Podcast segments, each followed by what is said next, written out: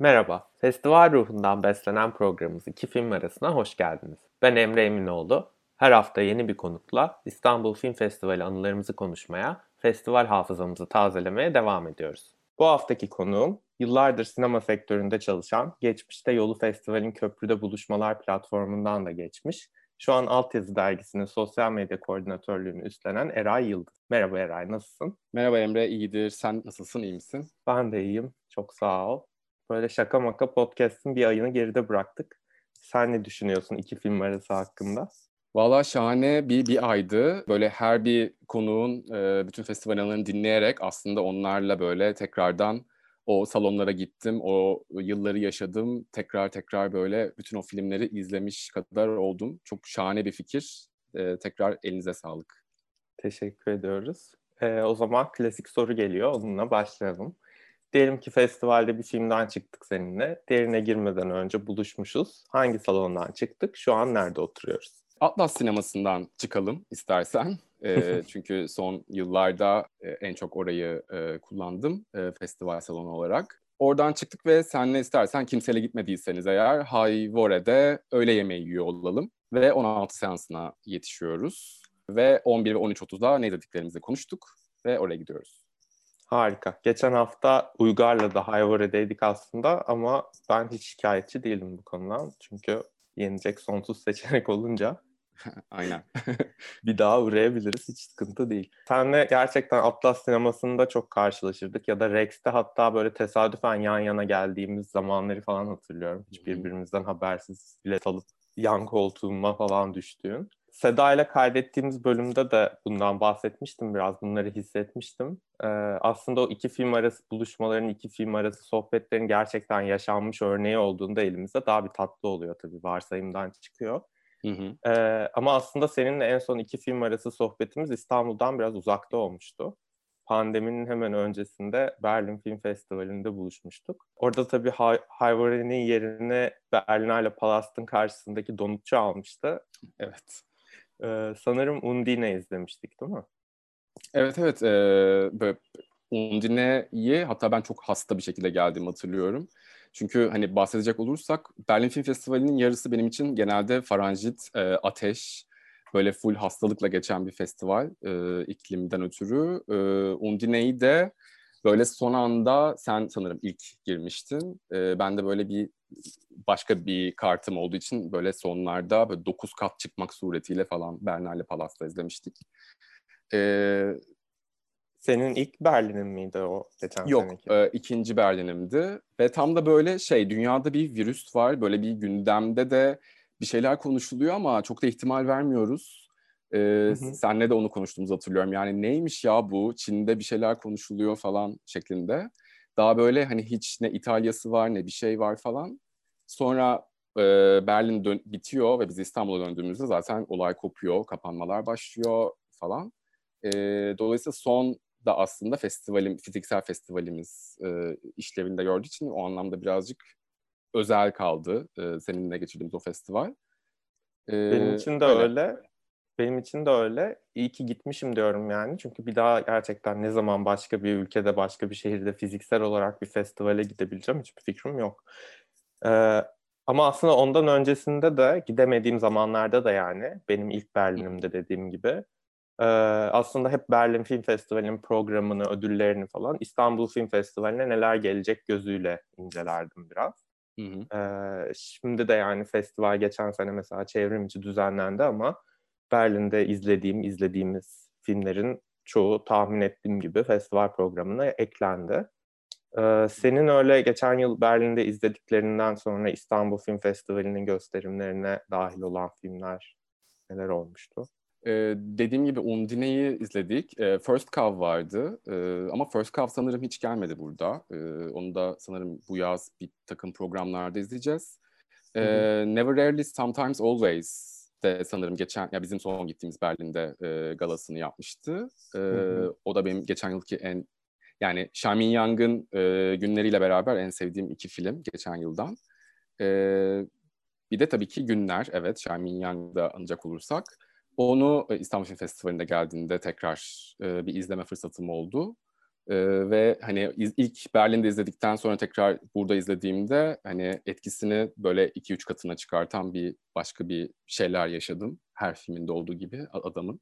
O, onları sayabilirim şu an sadece seçkiden. Bu yılda işte e, yine her Bahman'ın işte sınıfıydı galiba son geçtiğimiz ay dünya premierlerini yapan iki film. Onlara bilet aldım bu Mayıs seçkisi içinde. Onları bekliyorum şu an merakla. O zaman biz İstanbul'a ve hatta biraz geçmişe dönelim. Ee, izleyici olarak ilk festivalin hangi yıldı? Festivalde izlediğin ilk filmler hangileriydi? Onlardan biraz bahsedelim. Ya aslında e, ben 2007'de geldim İstanbul'a. E, Haziran'da geldiğim hesaba katacak olursak e, ilk aslında film ekimine katılmış bulundum. Ama festival tarafından yani orada da ilk Paranoid Park izlemiştim Gus Van Sant'in. E, benim için hiç bilmediğim bir e, atmosfer, bilet kuyrukları, işte o zaman emek var ve emek kuyruğu, işte emekte izlemiştik zaten. İşte yanımızda e, böyle bir tahta paravanlar ama işte orada Demirören'in o zamanki inşaatı sürüyor ama ne olacağı belli değil falan gibi şeyler. E, sonra hemen akabinde 2008'deki e, sanırım e, kaçıncı, 25. mi oluyor İstanbul Film Festivali'ne 27. galiba. 27. Film Festivali'ne katılmıştım ilk kez. Ee, benim için en özel festival tabii ki ilk festivalim olan o yıl. Ee, onda da işte böyle yani o güne kadar bütün hayatım böyle işte popüler sinema, işte bütün o franchise filmler falan artı işte e, bir de Saga Film sağ olsun. O zamanlar Saga Film diye bir şey vardı. Bu DVD Artı diye bir dergiyle işte DVD'lerini veriyorlardı bütün bu işte dergilerin, Empire'ların, Total filmlerin çıktığı dönemler. E, onlar sağ olsun dünya e, sinemasına hani bir şekilde hakimdik ama ilk kez bütün o art house'da ya da işte dünya sinemasıyla kurduğum ilişki e, 2008'deki İstanbul Film Festivali ile mümkün oldu. E, dolayısıyla hala şeyini koruyor. Yani bütün bu şey bir de e, yönetmenler olarak da e, henüz ustalaşmamış, adını çok yeni yeni duyduğumuz ya da böyle ustalık çağının orta dönemlerinde olan e, filmleri izlediğimizde bir yıldı. İşte e, aynı zamanda Haneke'nin Funny Games'ini işte remake yaptığı, işte bütün bu Into the Wild'lar, işte Be Kind Rewind'lar, e, Darjeeling Limited'ların olduğu yıl.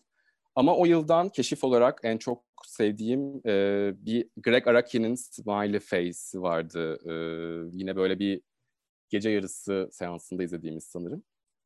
Ee, yani şu an hani muhtemelen dünyada olduğundan kimsenin haberdar olmadığı bir film.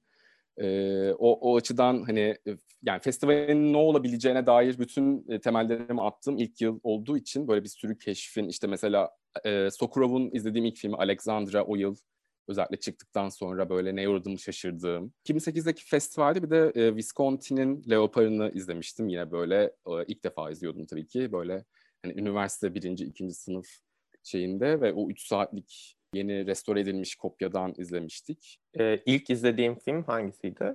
Ee, ilk izlediğim film orada e, Margot at the Wedding'i izlemiştik. On, yani Margot at the Wedding izlemiştik. Dolayısıyla hani ondan sonrasında böyle tabii ki The Savages'ı hatırlıyorum. Ee, bir de hani en çok etkilendiğim film o yıl Kırmızı Balon'un Yolculuğuydu. Hu Xiao Shen diye okunuyor sanırım Çinli yönetmen. Ee, Juliette Binoche'un oynadı. Juliette Binoche'un evet. Ee, bunların arasında hangisinin ilk olduğunu tam hatırlamıyorum ama sanırım Kırmızı Balon'un Yolculuğuydu. Çünkü yani e, emekte izlediğimi ve nerede oturduğumu bile hatırlıyorum ve büyük ihtimalle ilk film olması lazım. Ee, önceki konuklarda mesela böyle ilk izledikleri filmlerden bahsederken benim hiç e, hani festivali takip ettiğim yıllar olmadığı için öyle oturup dinliyordum ama şu an söylediğin filmlerin neredeyse hepsini ben de festivalde izledim. Hatta belki de seninle aynı salondaymışız. Hani emekte birimiz balkonda birimiz aşağıda falan oturuyormuşuz. Ee, değişik bir his oldu. Yani Margaret the Wedding'i ben de festivalde izledim. İşte Savages'ı öyle. Ee, Be Kind Rewind'ı öyle. Into the Wild'ı öyle. Ee, güzel oldu böyle. Aynı yıllarda festivale başlayıp festivalle devam eden biriyle konuşmak. Bir de ee, yani Taksim de o zamanlar çok böyle şey e, gerçekten bugünden bakınca sonuna yetiştiğimiz bir e, atmosferde aslında yani bütün her şeyiyle hala korunan ve hani Dolayısıyla o açıdan da benim için çok büyük özelliğini koruyor. E, çünkü 2010, 11 ya da 12'den sonraki o değişim gözle görülür hale geldiğinde festival de aslında bütün o e, bütün o hani algısıyla her şeyle beraber değişti. Başka bir şeye dönüştü bence. Bu ee, değişimin de bir parçası oldu bir anlamda. Kesinlikle, aynen. Hı hı. Hatta demin mesela işte Demirören'in inşaatından bahsettiğinde aklımda direkt şey canlandı. Ee, emeğin olduğu son yıl ya da bu konuştuğumuz senin ilk festivalin olan yıl olması lazım. Festivalin e, bir reklam kampanyası dahilinde böyle ödül almış gibi boş ödül neleri denir? O e, ödül forsları yapılmıştı. Emeğin hemen karşısındaki Demirören inşaatı duvarına önüne geçip fotoğraflar falan çektiriyorduk. Ee, işte en iyi senaryo ödülü ya da en iyi erkek oyuncu ödülü gibi boş şeyler yazıyordu. Ee, reklam filmi de bunun üstüne kuruluydu hatta. Festival bittikten sonra ben aylarca işte Küçük Beyoğlu'na doğru dönerken mesela e, o boş ödül forslarını görüp e, böyle aa festivalden beri duruyor burada dediğimi hatırlıyorum. Evet evet. Hı hı. Sonra onlar kalkıp Demirören açıldığında orada bir eksiklik hissetmeye başlamıştım mesela. Sonra uzun bir süre Köprüde Buluşmalar ekibinde yer aldın sen aslında. Ben 15 yıllık bir festival takipçisi olsam da açıkçası Köprüde Buluşmalar çok da aşina olduğum bir yanı değil festivalin. Ee, sonuçta daha sektöre yönelik, daha işin içinde olanları ilgilendiren bir platform. Ee, ama aslında festivalin çok önemli ve büyük bir parçası. Bilmeyenler için bize kısaca anlatabilir misin köprüde buluşmaların ne olduğunu? Ee, zaten hani 2008'den sonraki en özel yılımın 2012 olmasıyla da çok alakalı olaraktan e, köprüde buluşmalarda ilk çalışmaya başladığım yıl aynı zamanda bir 4-5 yıl kadar yıl ara vererek e, çalıştım. Ee, ve yani hakikaten çok dönüştürücü ve sektöre dair çok fazla şey söyleyen, özellikle hani e, burada bir şekilde gelecek kuran insanlar için hani hem katılımcısı hem de çalışanı hani her anlamda çok e, dolu dolu ve bir sürü şeyi minnettar olduğum bir beş yılda açıkçası. E, dolayısıyla hani festival zamanları da e, genelde tam festival iki haftalık festival sürecinin tam ortasında olduğu için hani ilk haftasında genelde hiçbir şey göremediğim ya da çok şanslıysak işte 9.30 seanslarına yetiştiğimiz e, ve bitimi sonrasında da bir hafta kadar daha vaktin olduğu bir süreçte ne görebilirsek şeklinde geçirdim.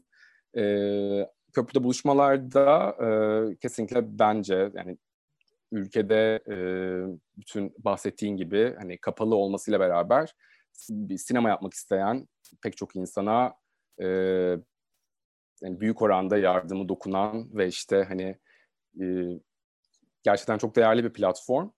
E, bizim için çalışanlar olarak her yıl tekrar oraya geri dönenler olarak en e, güzel tarafı da e, bir yıl senaryosuyla ya da daha henüz tretmanıyla hani film geliştirme aşamasında olan projelerin e, bir sonraki ya da iki yıl sonra e, bir dünya festivalinde açılıp sonra tekrar e, çalışmış olduğun ulus, festivalin ulusal yarışmasına gelmesi hakikaten böyle sanki film ekiplerinin e, den sonra şeklinde hani bütün o süreci de gördüğün hepsini onlarla beraber yaşadığın o bir çeşit heyecandı hepimiz için. Ben işte work in progress tarafını yapıyordum. Oranın koordinasyonunu yürüttüm birkaç sene. İşte... Ben de birkaç yıl festival ekibinde çalışmıştım ama hani sosyal medya tarafında olduğu için benim işim gün içinde herhangi bir yerde bulunabiliyordum ya da işte bütün işimi mobil olarak yürütebilip ya da gece çalışıp kotarabiliyordum. Ee, film izlemek de benim için önemli olduğu için hani gece daha az uyuyayım ama gün içinde en az bir iki filmi izleyebileyim dediğim oluyordu. Anladığım kadarıyla köprüde buluşmalarda tabii ki öyle bir şey biraz tempodan dolayı mümkün değilmiş. Dediğin gibi festivalde e, köprüde buluşmalar tamamen bittikten sonra ancak film izleyebilmişsin. Kesinlikle evet ve yani bütün o 4-5 ay boyunca sadece hani iki gün aslında hani faal olarak e, çalış yani 4 ay 5 ay kadar bir atölyesi de sürüyor işte film geliştirmesi için bir sürü festivalden bir sürü e, insanın hani bütün bu insanlara e, fikir geliştirmekten tutun da işte yarına kadar uzanan bir atölye işlevi de gördüğü için öyle bir dört ay kadar öncesi de oluyordu ama aslında iki gün için bir beş ay kadar çalışmış oluyorduk. E, o iki günde tabii ki her şeyin dakikası dakikasına uyması, işte sarkmaların olmaması, herkesin otellerinde e, işte zamanında alındı mı, işte film ekibi yerinde mi, sunumların yapıldığı falan böyle inanılmaz dolu bir iki günden bahsediyorum. O bittikten sonra zaten bütün festivalin bitmesiyle de aynı şekilde hani böyle bir hani tatile çıkmak isteyeceğin bir e, süre başlıyordu hepimiz için. Bittikten sonraki dönemde de işleriniz oluyordur muhakkak ama hani festivalin son günlerinde böyle tatlı tatlı oturup film izlemek, partilerine, kapanış törenine falan katılmak büyük bir rahatlıktır herhalde.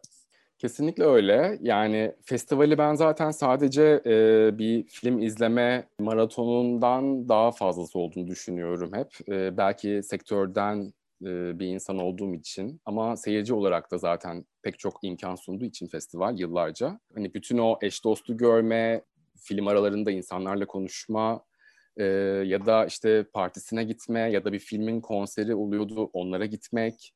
E, yine sektörel bir yandan işte tekne gezileri, şunlar bunlar hani hepsiyle beraber çok dinamik, çok böyle e, hakikaten çok dolu bir iki hafta e, şeklinde tasarlıyorum kafamda hep.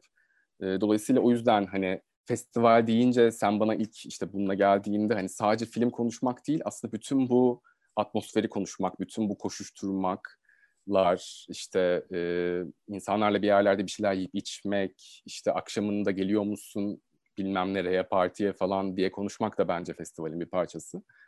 Dolayısıyla bu yüzden de çok önemliydi diyeyim. Kesinlikle öyle. Ee, ama senin aslında bir e, farklı şekilde deneyimlediğin festival daha var. 2016'daki 35. İstanbul Film Festivali.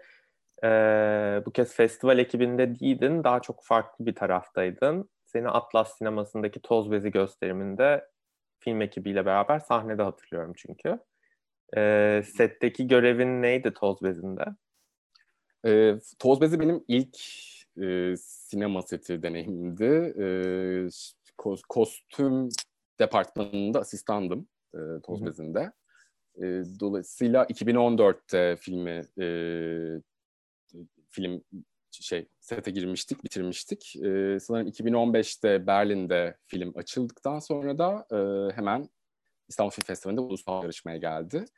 E, tabii ki yani hani ilk ve son kez yaşadığım çok olağanüstü bir olaydı o da benim için. Salonda hani Atlas sinemasında işte 300-400 kişiyle aynı anda film izlemek, sonrasında böyle hani e, seyirciyi göremediğin bir ışık yoğunluğu altında sahneye çıkmak hakikaten yani böyle şey e, çok açıklayamayacağım bir his. E, her ne kadar yani kostüm asistanından yönetmenine kadar e, hakikaten olağanüstü bir şeydi. Filmi de hala bu arada çok objektif bir yandan hatırladığımda e, bugünden de baktığımızda çok hala çok yerli yerinde çok güzel cümleler söyleyen işte hem ülkede kadın mücadelesine hem de işte patron ve işçi e, çatışmasına e, bugünden bile çok fazla e, çalışan bir tarafı da var. E, o anlamda da çok değerli benim için. Yani o yüzden hani sorduğun her yani söylediğimiz her şeye böyle karşılığını bulan e, çok iyi hatırladığım bir e, deneyim diyebilirim yani Toz Bezi için ve bütün festival e, yolculuğu için. Festival için de bence öyleydi. Çünkü zaten o seneki Altın Lale'yi de Toz Bezi kazanmıştı. İzleyici eraya geri dönüyorum. Ben. Böyle hem filmlerin yapım aşamasındaki halleriyle bu kadar içli dışlı bir platformda yıllarca çalışmışsın. Set deneyimin var. E, tüm bunlarla beraber filmi izlerken festivalde ya da festival dışında böyle gereksiz takıldığın şeyler oluyor mu? Meslek hastalığı denilebilecek türden. Devamlılık hatalarına bakıyoruz. Evet maalesef böyle bir tarafımız var. Bir de genelde hani e, uzun yıllar beraber çalıştığımız insanların da filmleri, sanat yönetmeninden işte görüntü yönetmenine hani bir şekilde e, her ulusal yarışmada her yıl bir arkadaşımız bir filmde çalışmış oluyor. Hani onun kattığı emeği görmek istiyoruz. İşte o bunda çok iyidir, onun işini görüyorum demeye gidiyorsun. Hani bir yönetmen ismindense hani hakikaten o filmdeki sanatı görmeye gidiyorsun bir, bir taraftan. İşte e, Toz Bezi'nde de beraber çalıştığım Seda Yılmaz, e, hakikaten ülkenin en iyi kostüm tasarımcılarından bir tanesi. E, onu, onun mesela ismini görürsem mutlaka bir filmi e, hani festivalde biletini almaya çalışıyorum. E, dolayısıyla ama bütün bunların yanı sıra hani bütün o mesleki deformasyon dediğimiz bir yerden baktığımızda da şeyi görebiliyorsun yani hani neyin nereden hani mesela bu mekanda kaç gün durmuşlardır. İşte o mekanın kirası ne kadardı? Bütün o prodüksiyon amirlerinin e, o mekanla geçirdiği e, şeyler işte bir restoran sahnesi ise oraya çok e, bir gün içinde hani sabah 8.30'da girip akşam işte yedi buçukta çıkman gerekiyordur mesela. Bütün bunları böyle kafanda ama mesela bütün filme yayılmıştır o restoran sahnesi. İşte flashback'inde vardır, şusunda busunda vardır. Dolayısıyla bütün bu, bu bilinçle de beraberinde geliyor aslında film seyri. Ama sadece hani ulusal yarışmalarda hani bütün dünya sinemasında da maalesef bu gözle izlemekten alamıyorsun kendini. Ama sanırım son yıl yani e, 2-3 yıldır sete girmediğim için bunu biraz yendiğimi düşünüyorum pandemide. Hani artık tamamen hani zaten bir konsantrasyon, konsantrasyon sorunu yaşadığımız şu süreçte izleme ve okumalarda hani kendimi tamamen artık hikayeye ve yönetmenin ne yapmış olabileceğine e, bırakıyorum. E, ve birazcık da çağrı açıkçası klasiklerde arıyorum artık. Festivallerin böyle çevrim içine taşındığı zamanlarda zaten e, dediğin gibi ben de yeni bir şeyler izlemekte zorlanmaya başladığımı fark ettim. Yani hani hiçbir zaman pandeminin etkisi aslında film bolluğunu etkilemedi. Yani hı hı. muhakkak etkilemiştir ama en azından izleyiciye o kadar yansıdığını düşünmüyorum ben. Çünkü izleyecek sürekli yeni bir şeyler, sürekli yeni bir şeyler gelmeye devam etti. İşte Berlin Film Festivali mesela çevrim içi düzenlendi. Ee, bir hafta süre verdiler yüz küsur filmi açtılar. Hı hı. Hani aralarından kaçını izleyebilirsin ki şeklinde bir festivalden farksızdı mesela benim için. Sen ee, kaç tane izlemiştin orada ve bir yerlere yazmıştın da galiba üstelik. Bu sene 20 civarında izledim galiba yine. Ama şöyle bir şey oldu. Festival sırasında her şeyin belli. İşte şu filme gireceğim. Ondan sonra onunla onun arasında yarım saatlik bir yemek aram var. Ondan sonra şu filme yetişmeye çalışacağım diye her şeyini planladığın için e, artık o olmayınca tamamen evde pijamanla işte kanepede yayılıp e, filmi izlediğin durumda e, şeyi fark ettim. Filmi e, boş vermeye işte aman bunu da izlemeyeyim demeye çok daha yatkın olduğumu fark ettim evdeki o rahatlıkla. Dolayısıyla e, muhtemelen bir bir haftalık bir festivalde bana aynı sayıda filmin olduğu bir programı çizelgeyi önüme koysan e, orada fiziksel olarak o koşturmacayla işte o iki film arası sohbetlerin bir yerlere sıkıştığı o festival ruhunun içindeyken çok daha fazla film izleyebilirdim belki diye de düşünmeden edemedim. Çok sağ. Yani İstanbul Festivali hala e, her ay bir seçki yayınlıyor ve hani görmediğimiz dünyadan bir sürü çok güzel şeyler izliyoruz. Ya da işte e, dijital platformlara her hafta bir şeyler geliyor ve bir şekilde hani aslında bu üretim devam ediyor bir taraftan. Ama dediğin gibi asla yani o salonda kendini böyle zora koşup ya da böyle sabah bu yüzden kalkıp e, bütün gününü o kendi yapmış olduğun programa vakfetmekle kesinlikle aynı değil. Geçenlerde birisi bir tweet atmıştı. O çok hoşuma gitmişti. Yani hani yani oluş itibariyle bir film izlemek aslında evde e, hazırlanmaya başladığını e, şeyi de kapsayaraktan kocaman bir süreç aslında. Yani ne giyseminden tut bütün o toplu taşımasından işte yetişebiliyor muyum e, ya da o, o olmazsa kaç seansına girebilirim? İşte kapıda kimleri görebilirim? Ondan sonra bütün o hani arkasında büyük bir bagajla girdiğimiz e, bazen soluk soluğa bazen işte elimizde çay kahveyle yaya yaya girdiğimiz de bir şey olduğu için e, bu işte dijital olarak istediğin zaman durdurup kalkıp işte iki gün sonra tekrar devam edebildiğim bir şeye ben de çok alışamadım. Ama bir taraftan yine de büyük bir nimet olarak e, kabul etmekte de tabii ki fayda var. E, çünkü uzun süreler belki de e, hiçbir yerde göremeyeceğimiz bir şey de veriyor bir taraftan. Hı hı. Yani, Ama işte yani evet. Bir yandan çok büyük avantajları olan, çok büyük kolaylıklar sağlayan, filmleri çok daha fazla insana erişmesini sağlayan şeyler bunlar. Ee, ama diğer yandan da dediğin gibi festivalin yerini tuttuğunu düşünmüyorum. Yani festivalin olmadığı bir senaryoda e, çok işe yarayan çok büyük nimet. E, ama festivalin yerini tabii ki tutmuyor bence. Kesinlikle, evet. Ee, bir de şeyden bahsetmek istiyorum. Hani önceki haftalarda işte 80'lerdeki 90'lardaki festivali takip edenler hep e, bir filmi bir daha kolay kolay bulamama hissinden o dertten bahsetti. E, bizim hiçbir zaman öyle bir derdimiz olmadı hani festivale evet. 2000'li yıllarda başlayanlar olarak. Hani bir filmi festivalde izledim izledim bir daha asla bulamam gibi bir kaygı hiçbir zaman yaşamadık aslında. Hı hı. E, ama festival olmasa adını duyup da izlemek aklımıza gelmeyecek filmleri festival kataloğunda ya da festival programında gördüğüm çok oldu benim. Ee, belki bu yüzden de biraz önemli festivaller ve hep önemli olmaya devam edecek. Yani normalde senin e, herhangi bir platformun kataloğunda gezinirken görüp geçeceğin bir filmi çok daha e, dikkatli bir şekilde ne olduğunu inceleme fırsatı sunuyor ve onu belki de sana izleme fırsatı sunuyor. Evet. Böyle keşiflerden var mı hatırladığın bir şey? Ya benim için hani keşifin tanımı birazcık da hani bir yönetmenin hani belki altıncı filmi ama ilk kez o filmle keşfediyorum gibi bir yerden de bakıyorum ben açıkçası keşif e, şeyine. E, dolayısıyla hani bu anlamda benim için hani, rövanş belki öyle olmuştur. 2009 yılında izlediğimiz e, Götz e, Spielmann'ın filmi. E, ondan sonra sanırım bir tane daha yapıyor 2013'te bir film ve sonra da e, 10 yıldır kendisinden haber alamıyoruz yaklaşık. E, benim için o anlamda hani en değerli keşiflerden bir tanesi o, o olmuştur. E, ve unutamadığım bir hani böyle hala derinde gezinen bir filmdir kendisi.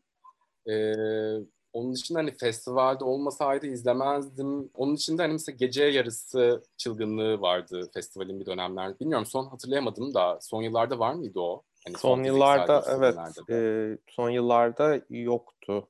E, direkt gece yarısı çılgınlığı, gece yarısı Hı-hı. kuşağı tam adını da hatırlayamadım şu an. Ama son yıllarda yok evet.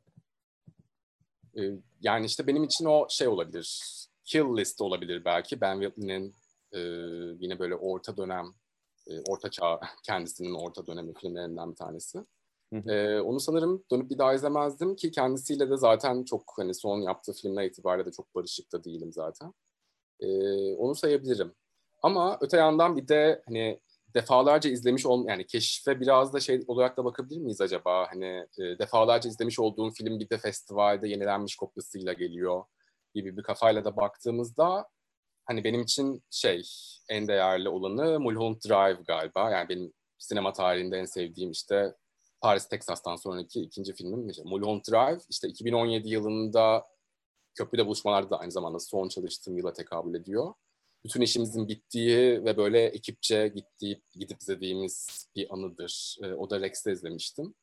E, bayağı hala biletini böyle, böyle şey sayılı filmden bir tanesi ve benim için çok özel bir yeri olduğu için hem Lynch tarafından hem de filmin kendi başlı başına kendisi olarak. Dolayısıyla hani öyle bir yerden sayabilirim. Ee, bir de e, bir yıl e, sinema ve müzik diye bir bölüm yaptı İstanbul Film Festivali.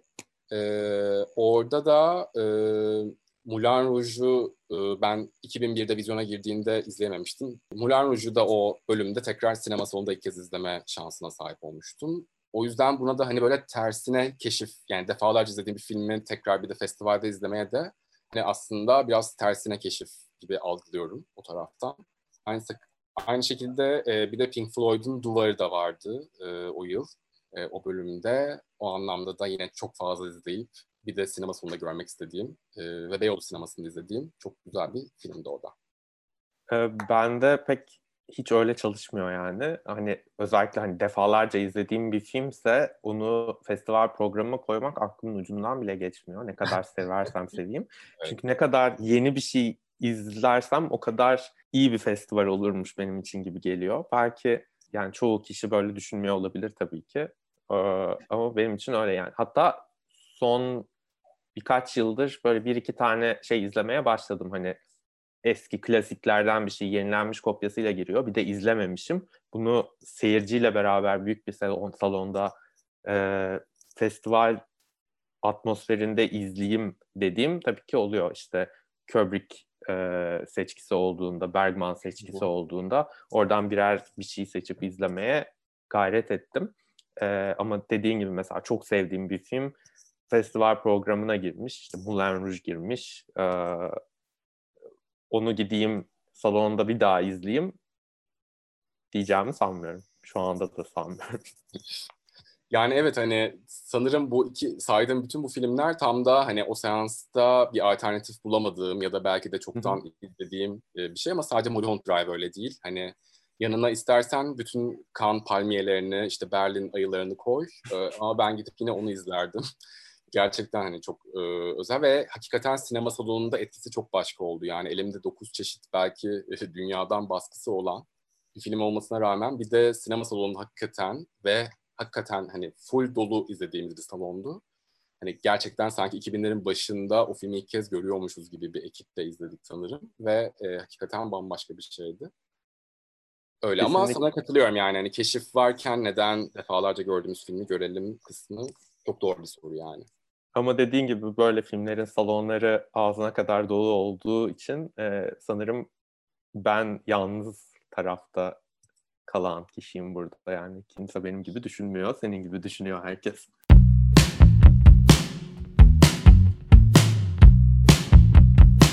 O zaman merakla beklediğin kısma geldik. Ee, sırada iki film arasının oyuncaklı yarısı var. Festival quizine geldik.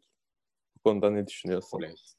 Ee, dersime iyi çalıştığımı düşünüyorum ama e, yine de senin soruların karşısında birazcık savunmasız hissediyorum ama yine de bekliyorum. Bakalım. Bakalım.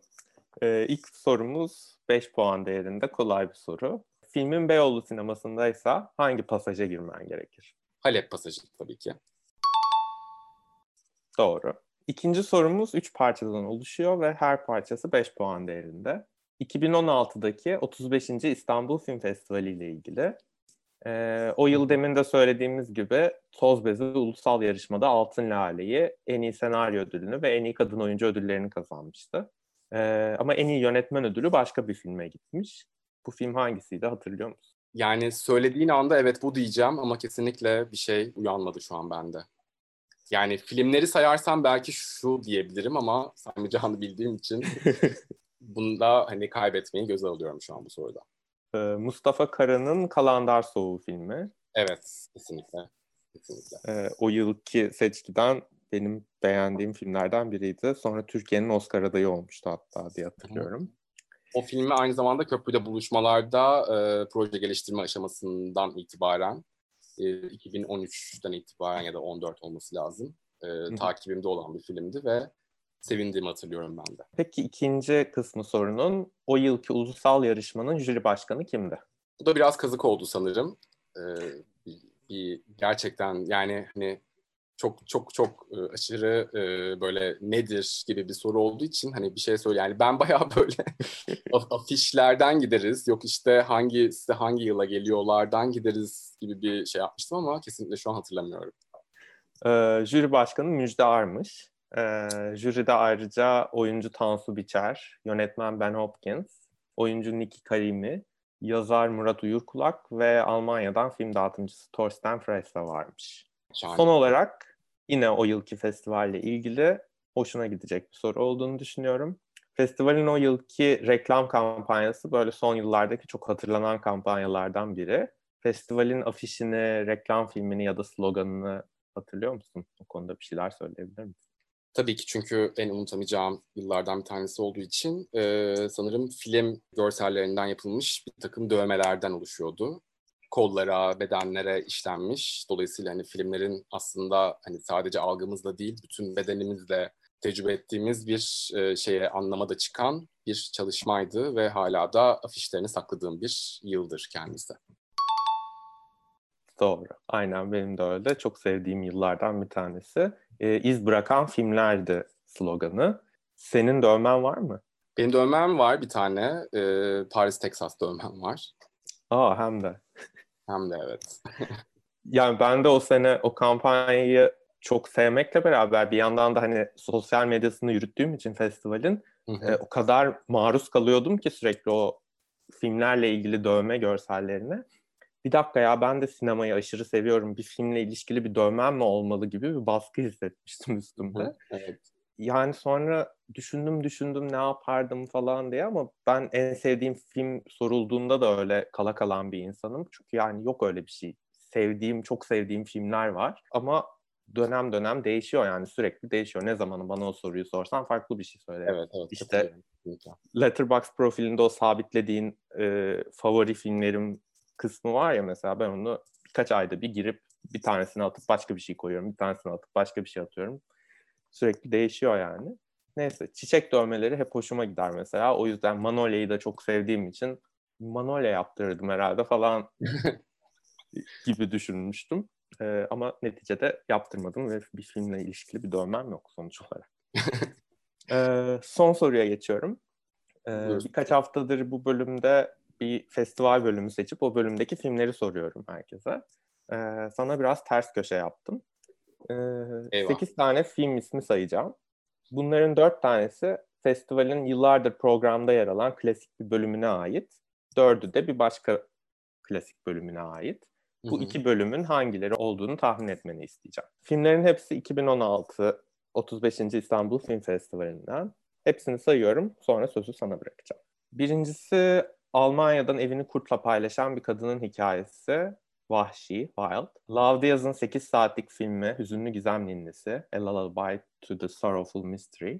Atina Rachel Tsangari'nin Attenberg'den sonra çektiği film Şövalye. Daniel Brühl ve Jasper Christensen'in oynadığı Ben ve Kaminski. Bir Akdeniz tatiliyle ilgili olan Parasol, Güneş Şemsiyesi. Apichatpong ve Raşatakul filmi Sis. Serminglia'nın No No Sleep, Uyku Yok Yok filmi. Ve Avusturya'dan Teddy ödüllü Kater, Tekir. Sence bu filmler hangi iki festival bölümünden seçtiğim filmler? Eyvah bir saniye. Cevabını bildiğim ama böyle hani yemin edebileceğim ama kanıtlayamayacağım e, bir takım şeylerden, bölümle, bölümlerden bunlar ve hepsi de birbirinden çok sevdiğim ve böyle hakikaten o yıl izlemeye e, ya da bir sonraki yıl başka yerlerde izlediğim filmler kesinlikle. E, Mayınlı Köşe diyebilir miyiz acaba? Mayınlı Bölge, doğru cevap. Mayınlı Bölge, evet Mayınlı Bölge, doğrudur. Evet. Bu filmlerden beş tanesi Mayınlı Bölge'dendi. Üç tanesi de farklı bir bölümden. Dünya festivallerinden diyebilir miyiz? Çünkü hepsi o yıl çıkmış olduğu için belki hani bir yerlerden mi geldiler diye düşündüm ama. Söylüyorum doğru cevabı. Antidepresan bölümü. Geri kalan üç tanesi de çünkü komedi filmleriydi. Hı hı. Dünyanın farklı köşelerinden olduğu için dünya festivallerinden de ama mantıklı bir cevaptı bence. Hayır, ee, ben çok e, güvenli bir cevap verdim. Çünkü herhangi birisi dünya festivallerinden olabilir diyerekten.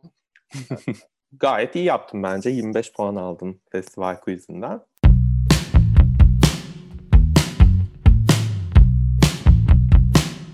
Sırada jüri sensin bölümü var. Senin için festivalde Altın Lale kazanmış filmler arasından 5 filmlik bir seçki hazırladım. Ulusal jüri başkanı sensin. Bir filme Altın Lale vereceksin. Bir filme jüri özel ödülü vereceksin. Geri kalan 3 filmin oyuncu kadrosundan ya da teknik ekibinden birine de mansiyon verme hakkın var. Hazırsan filmleri sayıyorum.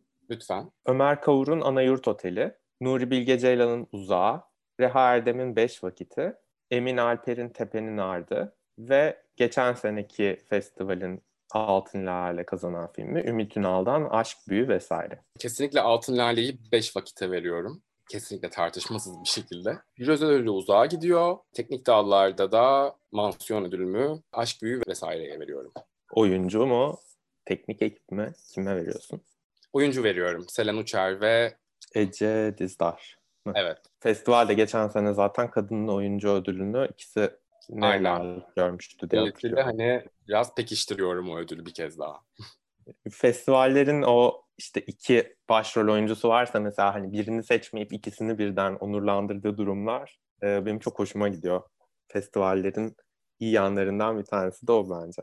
Yani ben e, genelde hani daha riskli seçimlerin e, taraftarıyım. Sonuçta bir yarışma var ortada ve işte her film kendi başına bir, bir değer, bir, bir şeyi temsil ediyor. Dolayısıyla hani o yılın konjonktürleri doğrultusunda ya da işte ne bileyim e, politik söylemi doğrultusunda iklimsel ya da işte e, cinsiyet e, rolleri karşısında hani yani hepsinin bir sözü var. Dolayısıyla o yıl hani bir tanesi bence kesinlikle bir yere denk düşüyor olmalı. Dolayısıyla Tay durumlarına yani gecede Tay denen o hani Beraber. eşdeğer anlamındaki o şeyi birazcık sanırım ben çok hoşlanmıyorum ondan. Çok hani güvenli sularda gezmek gibi geliyor bana birazcık ve çok hani politik doğrucu olma taraftarı gibi geliyor. Dolayısıyla hani bence e, her ödülün bir tane sahibi olmalı. Ama geçmişe baktığımızda hakikaten yani bu yarışma gerçek olsa ve bir jüri üyesi olsam eminim ben de çok büyük terler dökerdim. Hani pek çok yarışmada, pek çok festivalde. E, ben de o yola giderdim diye düşünüyorum. Ama aslında bence ideal dünyada olmaması gereken bir şey. Buradaki cevapların çok net oldu zaten hiç arada kalmadı. Direkt altın laleyi 5 vakite verdin. Katıldığın için çok teşekkür ediyorum.